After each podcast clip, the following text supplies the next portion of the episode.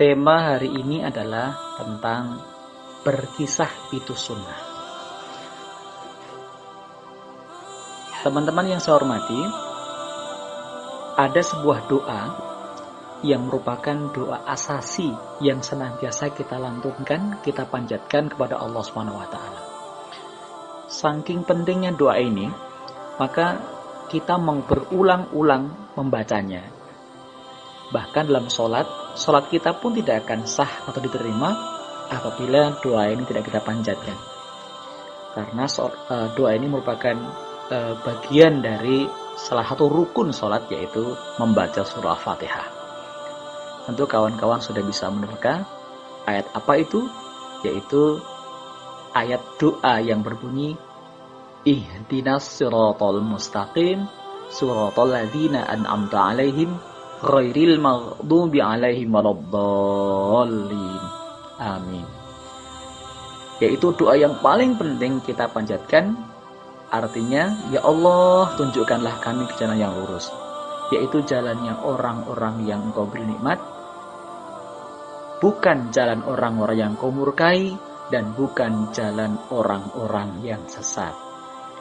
Jadi kebutuhan kita akan hidayah amatlah paling penting. Amatlah penting dibanding kebutuhan yang lain. Karena hidayah itu adalah jalan keselamatan. Teman-teman semuanya doa itu adalah ihdinas suratul mustaqim. Ya Allah tunjukkanlah kami ke jalan yang lurus. Jalan siapa itu? Jalan selamat itu. Suratul ladzina an'amta alaihim. Jalannya orang-orang yang telah engkau berikan nikmat ya Allah yaitu jalannya para nabi, para rasul, suhada, sidikin, solihin, dan lain-lainnya. Dan kita jerih, enggan untuk masuk ke dalam golongan orang-orang yang dimurkai Allah dan enggan pula dan berlindung pula dari jalan orang-orang yang sesat. Nah, kemudian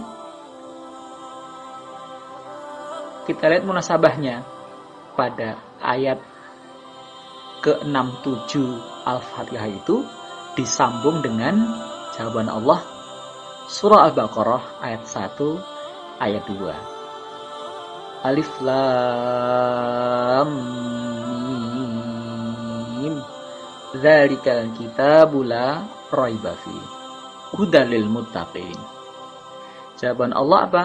Jawabannya adalah Alif Lam Mim Zalikal kitabul la raiba Itulah kitab. La raiba Tidak ada keraguan keraguan di dalamnya. Hudalil mutakin petunjuk bagi orang-orang yang bertakwa.